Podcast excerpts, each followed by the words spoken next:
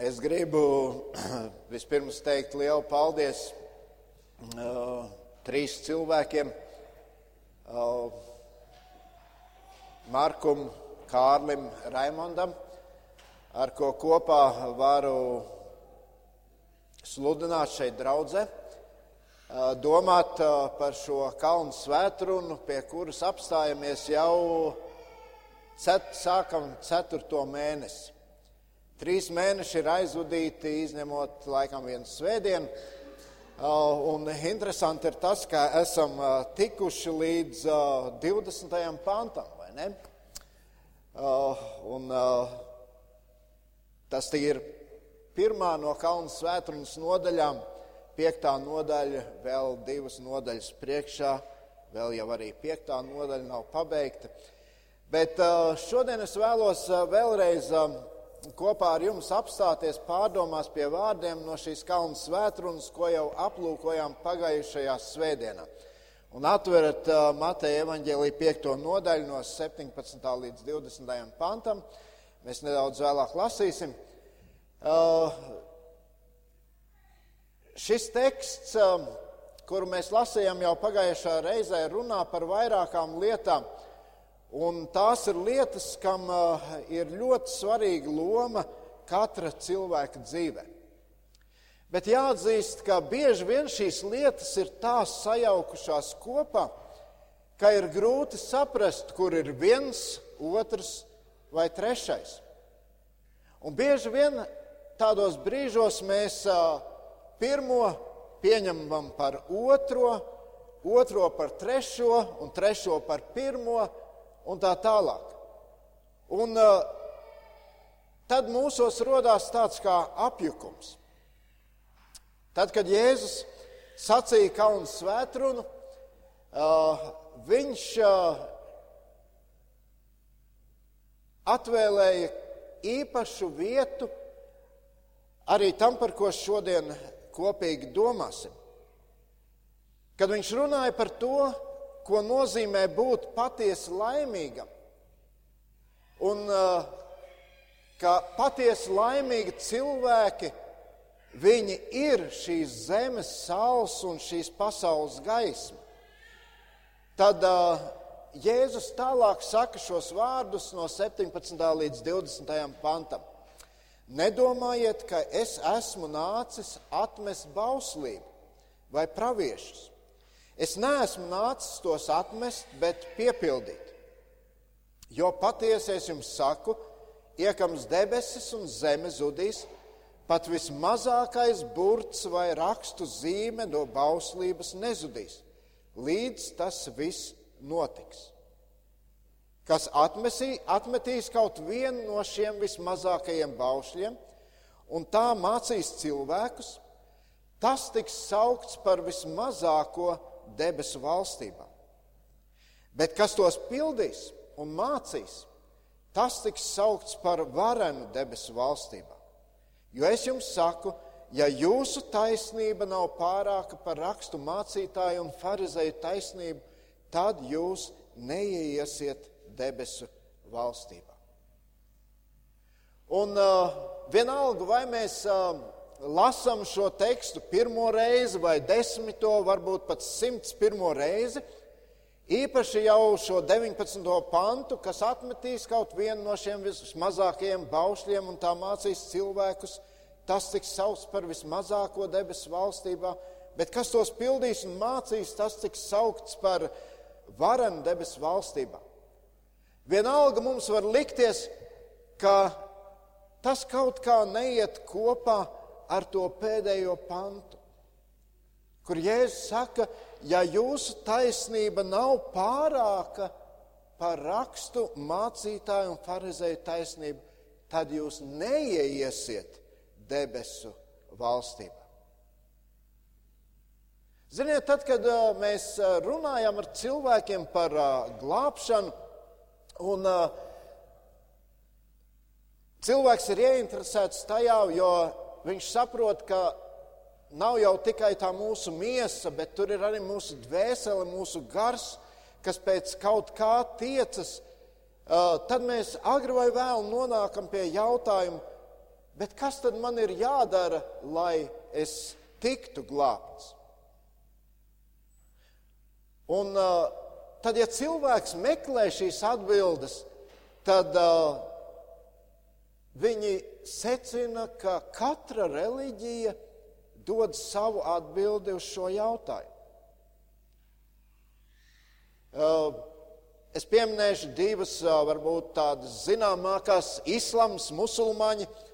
Viņi saka, ka cilvēkam vajag piecas reizes dienā lūgt, un darīt to tādā veidā, ka viņš ir ar seju pret uh, meku. Uh, plus vēl uh, viņam vienu reizi dzīvē vismaz ir uh, jādodas uz šo meku. Un, ja tu to pildi savā dzīvē, tad tu nokļūsi paradīzē. Nu, ja nu gadienā tu ātrāk gribi nokļūt šajā paradīzē, Eh, nu tad tev ir jāiet karā ar eh, neticīgiem cilvēkiem, un uh, tu tur uh, vari zaudēt savu dzīvību šajā karā, un, uh, vai tu vari nogalināt kādu neticīgu cilvēku, un tev vieta paradīzē ir garantēta. Un, ja jūs tā klausaties tajā, tad jūs redzat, te ir svarīgs šis princips, ka, lai nokļūtu paradīzē, tev noteikti kaut kas ir jāizdara. Viena no lielākām pasaules reliģijām, budisti, viņi nesola paradīzi, bet viņi sola nirvānu. Šim vārdam nav nekāds sakars ar tās grupas nosaukumu, kuras kur līdera Kurta Kobeina 20. nāves gaddienu pasaulē atzīmēja vakar. Uh, bet, uh, ja domājam par šo nirvanu, tad uh, neviens tā īsti nevar paskaidrot, un neviens tā īsti nezina, kas tas ir. Bet cilvēki runā, ka nu, tas ir kaut kas labs. Un lūk, lai nokļūtu šajā nirvanā, tad uh, tev ir jātīra savu prātu ar meditācijām un savu ķermeni ar diētām. Nu, varbūt tas pirmais vārds mums liekas svešāks, bet tas otrs vārds, diēta, tā jau mums ir ļoti pazīstama. Un, un droši vien daudzi arī šodien ir ceļā uz to, jo izmanto dažādas diētas, bet uh, es ticu, ka vismaz, kas mēs šeit esam un uh, kas varbūt to praktizē savā dzīvē, uh, tad uh, tam pamatā nav šī budisma mācība. Daudzās, es pat teiktu, pseido-kristīgās mācībās arī tur ir šis saraksts ar dažādām lietām, kas tev ir jāizpild. Un, ja tu šīs lietas izpildīsi, tad tu ar to nopelnīsi glābšanu. Pagājušajā svētdienā Markus uh, pieminēja, ka farizēji un rakstu mācītāji viņi ļoti stingri turējās pie šiem dažādiem sarakstiem, kuri bija garu garie. Tur bija uh, likums, tur bija šis bauslis, un uh, tur bija klāts saraksts. Kas tad ir jā, jādara, lai uh, šo, šo bausli uh, piepildītu? Un lūk, tad nāca Jēzus un sludināja. Un šie farizēji rakstu mācītāji, viņi gaidīja, ka Jēzus viņiem dos kādu jaunu sarakstu. Jaunu sarakstu ar šīm lietām, kas tev ir jādara. Un nevelti kādā reizē Mateja evaņģēlī 22. nodaļā šie cilvēki Jēzum uzdod jautājumu, kurš ir augstākais, svarīgākais, lielākais bauslis. Tas bija tas, ar ko viņu prāts bija nodarbināts. Atbildēt uz šo jautājumu, kas priekš Dieva ir svarīgāks, ko lai es daru. Un uzdodot šo jautājumu, viss, ko viņi sagaidīja no Jēzus, ka Jēzus kaut kādā veidā izmainīs šo sarakstu, kas, varētu teikt, viņiem jau bija. Bet, nu, varbūt kādas izmaiņas ieviest, kaut ko jaunu. Bet tas, ko viņi dzirdēja, bija pavisam kaut kas cits, un šī Jēzus atbilde viņus vienkārši šokēja. Jo tā vietā, lai sāktu kādu reliģisku diskusiju, Jēzus saka ļoti vienkārši. Matei 22, no 37 līdz 40. Jēzus atbildēja: Mīli kungu savu dievu, ar visu savu sirdi, ar visu savu dvēseli un visu savu prātu. Šis ir pats lielākais un pirmais bauslis. Bet otrs ir tam līdzīgs mīli savu tuvāko kā sevi pašu. Šie divi baušļi ir pamatā visai bauslībai un praviešu mācībai. Tas, ko Jēzus saka šiem cilvēkiem, mīļie draugi, novāciet savu sistēmu. Svarīgi ir mīli Dievu un mīli tuvāko. Kad Nikodējums atnāca pie Jēzus, un viņš to darīja naktī, viņš arī bija viens no rakstu mācītājiem. Viņš gribēja arī parunāt par likumiem. Un tas, ko viņš dzird, mēs lasām Jāņa 3 no 3. panta. Jēzus atbildēja viņam: Patiesi, patiesi es tev saku, ja kas nepiedzimst no jauna, tas nespēja redzēt Dieva valstību. Nikodējums viņam sacīja, kā var cilvēks piedzimt vecs būdams? Vai tad otrreiz iet savas mātes miesās un piedzimt? Jēzus atbildēja, Patiesi, patiesi es tev saku, tas, kurš nepiedzimst no ūdens un gara, nevar iet Dieva valstībā. Un, ja jūs uh, nākat uz Vīlānu, sekojat līdzi kalnu svētrunai, varbūt klausieties mūsu mājaslapā šīs kalnu svētrunas, jūs ievērojat, ka mēs jau vairāk kārt esam to uzsvēruši, ka kalnu svētruna, svētrunā iet runa par piederošiem debesu valstībai. Un Jēzus šeit neveido kādu jaunu sistēmu. Jēzus šajā kalnu svētrunā nesaka, ko darīt, bet Jēzus saka, par ko būt. Un es šajā brīdī negribu atkārtot šos laimīgi par ko mēs esam domājuši jau daudz svētdienas un uh, varbūt pēc tam mazās grupiņās pārunājuši, pārdomājuši mājās, mēs redzam, ka šajā kalnu svētrunā neiet runa par to, kas tev ir jādara, bet par to, kas tu esi. Un par to, kāds tu esi, kā piedarošs debesu valstībai. Vecās darības laikā Cilvēki dzīvoja ar šo apziņu. Es esmu par maz, par maz reliģijos. Un viņi dažādos veidos centās sevi šaustīt, pārmest sev. Viņi zināja to, ka Dievs ir. Viņi gribēja kaut kādā veidā Dievam izpatikt. Viņi centās dzīvot, lai izpelnītos kādu dievu labvēlību. Bet lasot veco derību, mēs redzam, ka viņiem tas nevienmēr tik labi izdevās.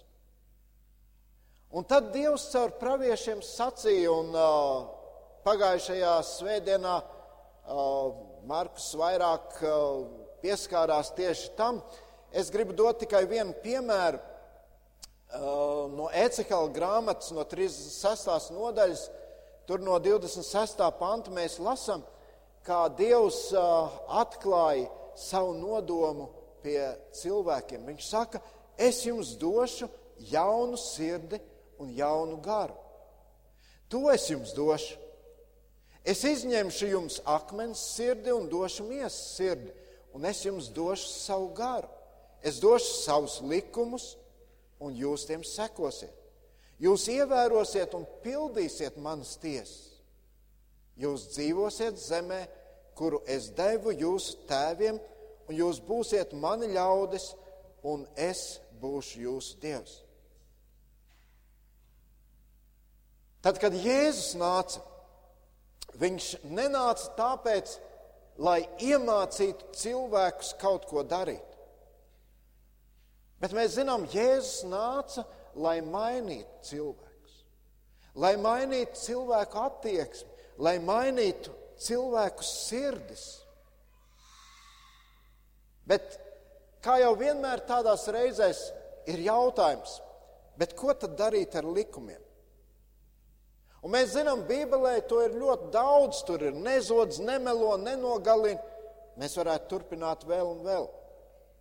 Bet, kad mēs šodien runāsim, un mēs, kad mēs vispār Kalnu svētdienas ietvarā runājam par šiem likumiem, tad es ar tiem domāju Dieva dotos principus, kurus mēs atrodam Bībelē.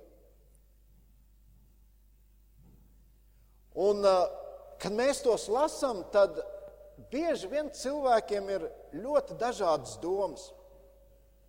Viens saka, ai, šie principi, ko Dievs dod, tie ir traucēklis manai gara brīvībai. Vai tad vienmēr vajag tā teikt, Bībele, Bībele, vajag brīvībā dzīvot? Kāds saka, es esmu saņēmis svētā gara svaidījumu, tagad gars mani vada. Un tieši svētais gars atklāja man to, ko Dievs savā vārdā arī nav sacījis.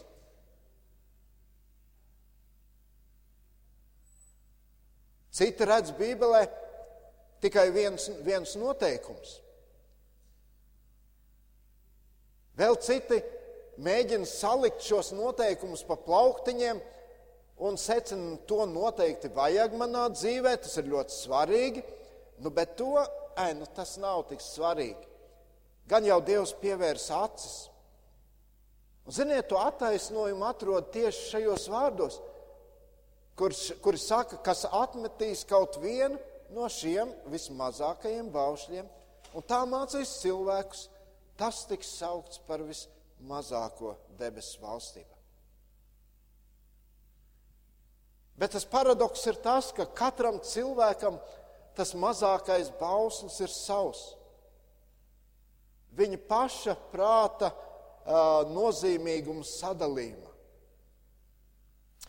Lai uh, saprastu, ko Jēzus te runā, es esmu uzzīmējis trīs uh, apļus. Jūs arī priekšā tos redzēsiet. Centrā ir evaņģēlijs, tālāk ir likumi, jeb dievu vārdu principi, un tad vēl ir tradīcijas. Uh, ziniet, tās ir lietas, no kā sastāv mūsu dzīve. Un uh, tajos vārdos, ko mēs lasījām no Kalnu svētrunas, Tajos vārdos Jēzus runā par visām šīm trim lietām. Mēs uh, iesāksim ar tradīcijām. Mateja 5,17. Nedomājiet, ka es esmu nācis atmest bauslību vai praviešus. Es neesmu nācis tos atmest, bet piepildīt. Un uh, tam bija savs iemesls, kāpēc Jēzus to saka. Redziet, kad mēs lasām par Jēzus dzīvi, mēs redzam, ka Jēzus dzīve atšķīrās no citu cilvēku dzīvēm. Daudzas lietas, kas tajā laikā bija ierastas, viņš darīja citādi. Un mēs tur uh, zinām šos gadījumus, dažus pieminēšu. Viņš nemazgāja rokas, tad, kad citi to darīja. Un tur mācekļi viņam pārmet, kāpēc tu tā dari? Tā nav pieņemts. Mēs redzam, ka Jēzus kādā sabatā, ejot cauri labības laukam, viņš lauza vārpas, berzēja graudus ārā no vārpām. Pharizēji redzēja, viņi pārmeta viņam. Pharizēji tā, ned tā nedarīja. Mēs tur lasām par Jēzu, ka viņš tikās ar muitniekiem un grēciniekiem, un atkal Pharizēji ir klāt un pārmet viņam, ko tu dari? Tā nav pieņemts. Un, redziet, cilvēkiem radās priekšstats, ka Jēzus pārkāp likums. Un Jēzus saka, nē, jūs nepareizi domājat. Es esmu nācis nevis atmest vai pārkāpt likumus, es esmu nācis tos piepildīt. Jēzus nenostājas pret Dieva likumiem, bet Jēzus nostājas pret to, ko cilvēki darīja, lai šos likumus pildītu. Pagājušajā svētdienā mēs diezgan daudz par to domājam, un, manuprāt, Markus ļoti labi paskaidroja šīs lietas. Iedomājieties, ja mums katru tradīciju, kas ir aprakstīta Bībelē, ja mums to nāktos pildīt kā likumu, tas būtu diezgan briesmīgi. Es vienu piemēru iedošu. Vecajā derībā tur ir tāds vīrs kā Lābans. Bagāts vīrs, uh, interesanta personība. Un tad pie šī vīra atnāk Jēkabs. Viņš ir uh, sievas meklējumos. Un, uh, tur ir kāda skaista meitene, kurā viņš ir ieskatījies, Rahēla. Uh, viņš nāk pie Lābana un lūdz uh, viņa meitas roku. Lābans saka, labi, tu dabūsi viņu nostrādāt septiņus gadus.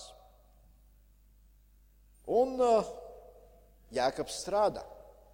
Paiet septiņi gadi, Lābans iedod nevis Rahēli Jēkabam, bet savu vecāko meitu Leo. Jēkabs saka, tā nebija runāts. Viņš saka, labi, strādā vēl septiņus gadus, dabūsi to, ko tu gribi.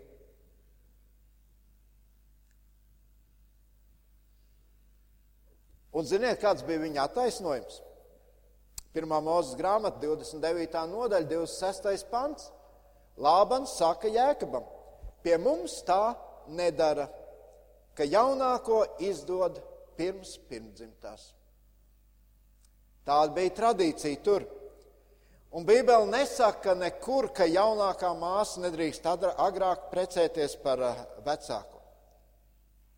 Redziet, problēma jau nav tradīcijās, bet problēma ir tad, kad mēs tradīcijas pārvēršam par pielūgsmes objektu, kad tradīcijas kļūst par galveno autoritāti mūsu dzīvē. Mateja evaņģēlīja 15. nodaļa no 1. līdz 6. pantam mēs lasām. Tad, Jēzus tad pie Jēzus atnāca farizēji un rakstu mācītāji no Jeruzalemes sacēja. Kādēļ tavi mācekļi pārkāpj vecajo paražas? Tie nemazgā rokas pirms maizes ēšanas, bet, bet Jēzus atbildēja, un kādēļ jūs pārkāpjat Dieva bausli paražu dēļ? Dievs taču ir sacījis, godā savu tēvu un māti, un kas rupji izrunājas pret tēvu un māti, lai mirdams mirst. Bet jūs sakāt, ja kāds saka tavam tēvam vai mātei, es ziedošu Dievam to, kas jums pienākas no manis, tad tas negodā savu tēvu. Tā jūs atceļat Dievu vārdu savu parašu dēļ. Jēzus tik skaidri parāda šo problēmu, kad tradīcijas, jeb dažādas parašas tiek stādītas augstāk par Dieva likumiem, par Dieva vārdu autoritāti. Tad bieži vien sākas problēmas. Atcerieties no Izraēla tautas dzīvi šo brīdi, kad tur daudzus cilvēkus sakot čūskas, un Dievs teica, izveido varu čūsku. Un tad tie, kas sadzeltie cilvēki, kas tiks sadzelti no čūskām, ja viņi paskatīsies uz varu čūsku, tad viņi neies bojā, viņi tiks dziedināti. Un tā tiešām notika. Bet pagāja laiks, un šie cilvēki sāka pielūgt šo varu čūsku. Šie cilvēki šo varu čūsku nolika sev dievu vietā, piešķīra viņai šo dievišķo autoritāti. Un tas ir pret to, ko Dievs saka. Kur tad ir šo tradīciju bīstamība? Bīstamība ir tad, ja mēs pārāk pieķeramies šīm tradīcijām. Apostols Pāvils vēstulē Galatiešiem pirmajā nodaļā raksta par savu dzīvi. Viņš saka, jūs esat dzirdējuši manu toreizējo dzīvi, kad vēl bija jūda ticībā, ka es pārlieku vajāju un postīju Dieva draugu. Klausieties, jūdu ticības lietās es pārspēju daudzus savus vienaudžus savā tautā, pārmēru dedzīgi turēdams tēvu ieražas. Pāvils atzīst, manā dzīvē bija, brī, bija laiks, kad es vairāk biju pakļauts šo tradīciju autoritātei nekā Dieva vārda autoritātei. Tradīcija bīstamība ir arī tajā, ka bieži vien mēs paļaujamies uz uh, šīm tradīcijām. Un mēs domājam, nu, tradīcijas tās jau gal galā arī mani aizvedīs uz debesīm. Es tā daru, jo mani vecāki tā ir darījuši. Redziet, viņu dzīvēs tas darbojās, gan jau arī manā dzīvē darbosies. Es nesaku, ka viss, ko vecāki ir darījuši, ir nepareizi. Nē, tur ir ļoti daudz labas lietas, ko mums ir jāņem vērā. Bet problēma sākas tad, ja mēs paļaujamies uz to. Ja mēs nepārbaudām, vai tas uh, saskan ar Dievu vārdu. Apostols Pāvils uh, saka kolosiešiem otrajā nodaļā: Raugieties, ka neviens jūs nepieviļ ar cilvēciskās gudrības tukšo maldināšanu, kas pamatojas cilvēku iedibinātās tradīcijās un pasaules pirmspēkos, bet ne Kristu. Viņā mājo visu dievu pilnību miesā, un jums ir dota pilnība viņā, kas ir galva ikvienai valdīšanai un varai. Redziet, tās tradīcijas, šis lielais aplis, tās ir tās, no kurām, protams, mēs nevaram izbēgt. Bet svarīgi ir saprast, lai tradīcijas neieņem to centrālo vietu mūsu dzīvē, lai tās nekļūst par noteicošām. Jau uz tradīcijām mēs nevaram balstīt savu ticības dzīvi. Ne jau tradīcijas, un pat dzelžaina to turēšana nodrošinās tev glābšanu. Romiešiem 14. nodaļa, no 3. līdz 5. pantam, apostols Pāvils saka, Tas, kas ēd visu, lai nenoniecina to, kas nēd. Un tas, kas nēd visu, lai netiesā to, kas ēd. Jo Dievs viņu ir pieņēmis. Kas tu tāds esi, kad tiesā cita kalpu? Tikai viņa kungs var spriest, vai viņš stāv vai krīt. Un viņš stāvēs, jo viņa kungs spēja viņu piecelt. Dažs spriež, ka viena diena ir pārāka par otru, cits, ka visas dienas vienādas. Pāvils saka, lai ik viens paliek pie sava ieskata. Iesim tālāk pie otrā apļa. Dieva vārdu likumi. Nedomājiet, ka es esmu nācis atmest bauslību vai praviešus. Es neesmu nācis tos atmest, bet piepildīt. Redziet, ja pie tradīcijām mēs varam turēties vai neturēties, tad, kad mēs runājam par dieva likumiem, tad te ir savādāk. Šis vārds likums jau vien norāda, ka tas ir tāpēc, lai tos pildītu. Šis vārds likums norāda uz to, ka tur nelīdz šī apspriešana. Dieva likumi pasaka mums, ko Dievs par mums domā. Un Jēzus bija ļoti kategorisks attiecībā uz Dievu vārdu. Paskatieties, turpat 18. pants, ko mēs lasījām, jo patiesi es jums saku, iekams debesis un zeme zudīs. Pat vismazākais burts vai rakstu zīme no bauslības nezudīs, līdz tas viss notiks. Un, kad mēs to lasām, mēs saprotam arī to, kāds ir Dievs. Jo šie vārdi parāda mums to, kāda ir Dieva daba. Dievs ir nemainīgs. Un arī Dieva vārds, Dieva likumi atšķirībā no tradīcijām ir nemainīgs. Dievs prasa no mums mūsu paklausību un nodošanos. Un katrs Dieva teiktais vārds, kā mēs lasījām, ir ļoti svarīgs, jo tas atklāja visu, kas mums ir jāzina. Okay, mēs teiksim, nu jā, katra kristieša etalons ir Jēzus Kristus. Un, ja mēs tā nopietni gribam dzīvot kristīgu dzīvi, tad mūsu vēlēšanās ir kļūt līdzīgāki viņam. Un redziet, Dieva vārds ir tas, kurš atklāja mums, kāds tad Jēzus ir. Dieva vārds atklāja mums, kādām ir jābūt mūsu attiecībām.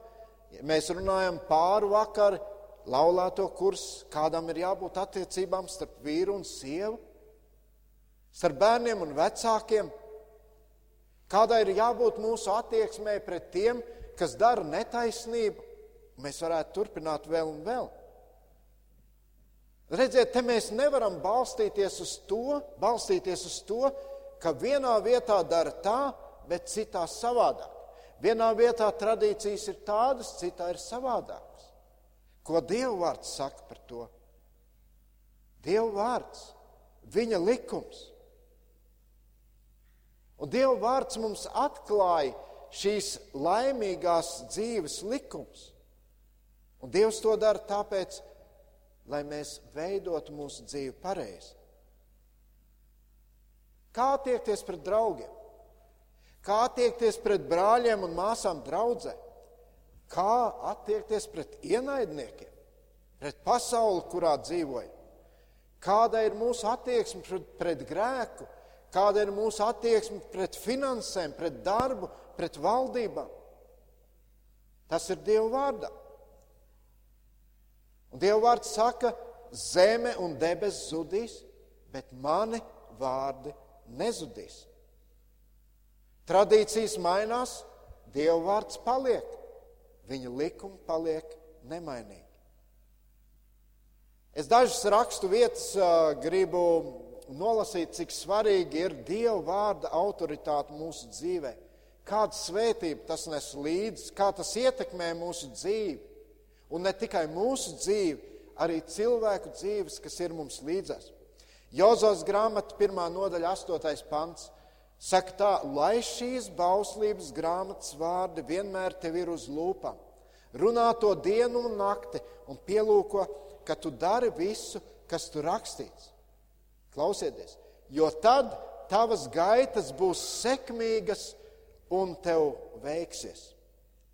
Pirmais psalms - Svētīts, kas ļaundaru padomā nestaigā, uz grēcinieku ceļu nestāja un paļātāju pulkā nesāž, nesēž kam par kunga bauslību prieks, kas pārdomā viņa bauslību dienu un nakti. Tas aug kā koks stādīts pie ūdens straumēm, augļus tas nes laikā, lapas tam nenovīst. Ko tas dara, viss izdodas. Kad mēs domājam par uh, Dievu vārdu, par Bībeli, mēs uh, saprotam, ka daudzas lietas kas tur ir rakstīts, tās jau ir piepildījušās. Bet mēs lasījām 18. pants, saka, iekams viss notiek. Viss notiek. Laiks steidzas, iesim pie trešā. Un uh, trešais aplis - evaņģēlijs. Tad, kad Jēzus runā par Dieva likumu svarīgumu, viņš nesaka to, ka šie likumi mūs izglābs. Interesants vārds mēs lasām Jēkabā vēstulē, otrajā nodaļā, desmitajā pantā.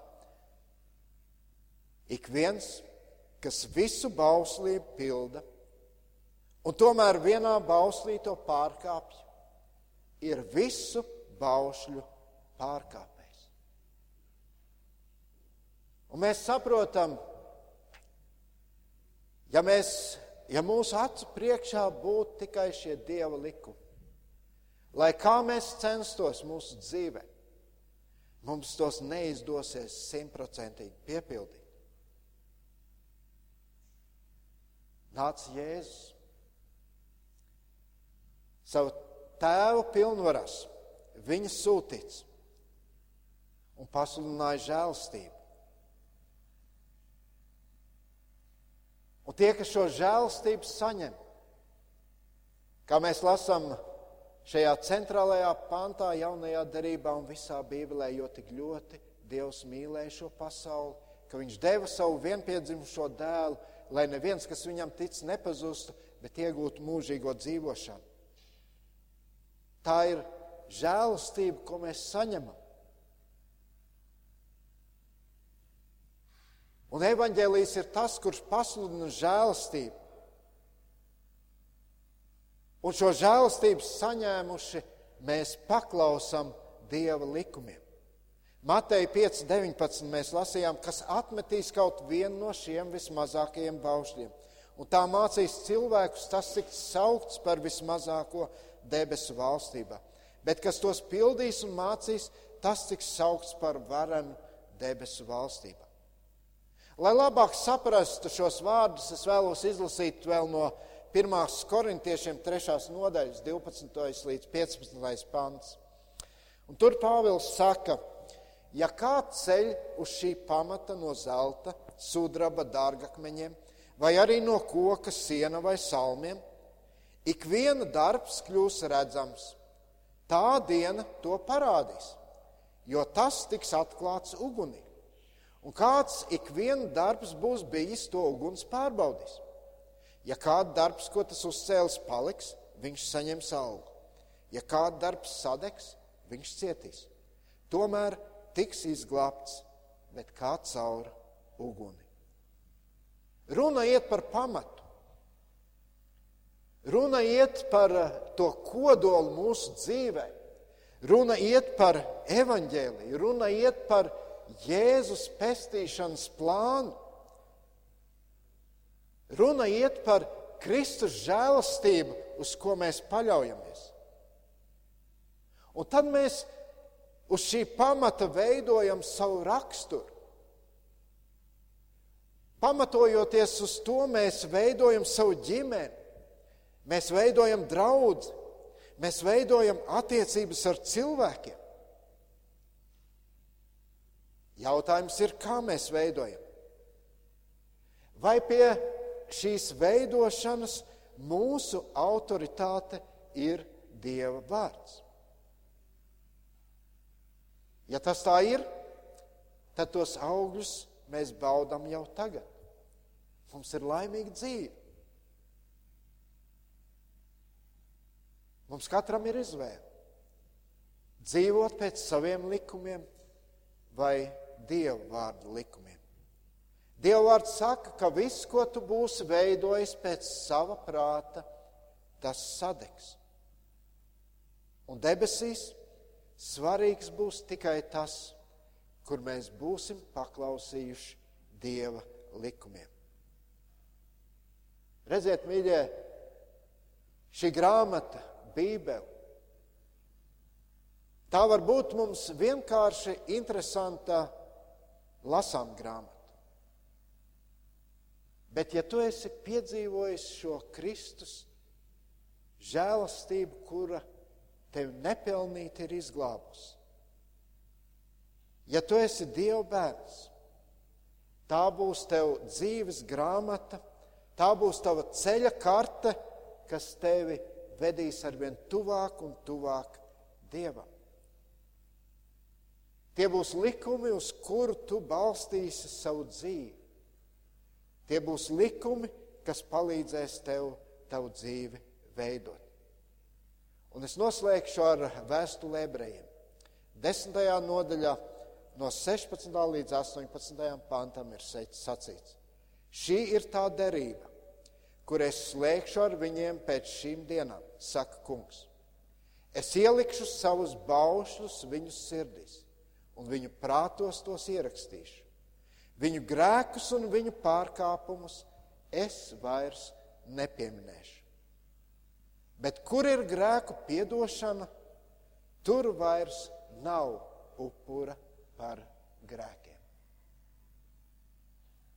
Lūksim Dievu.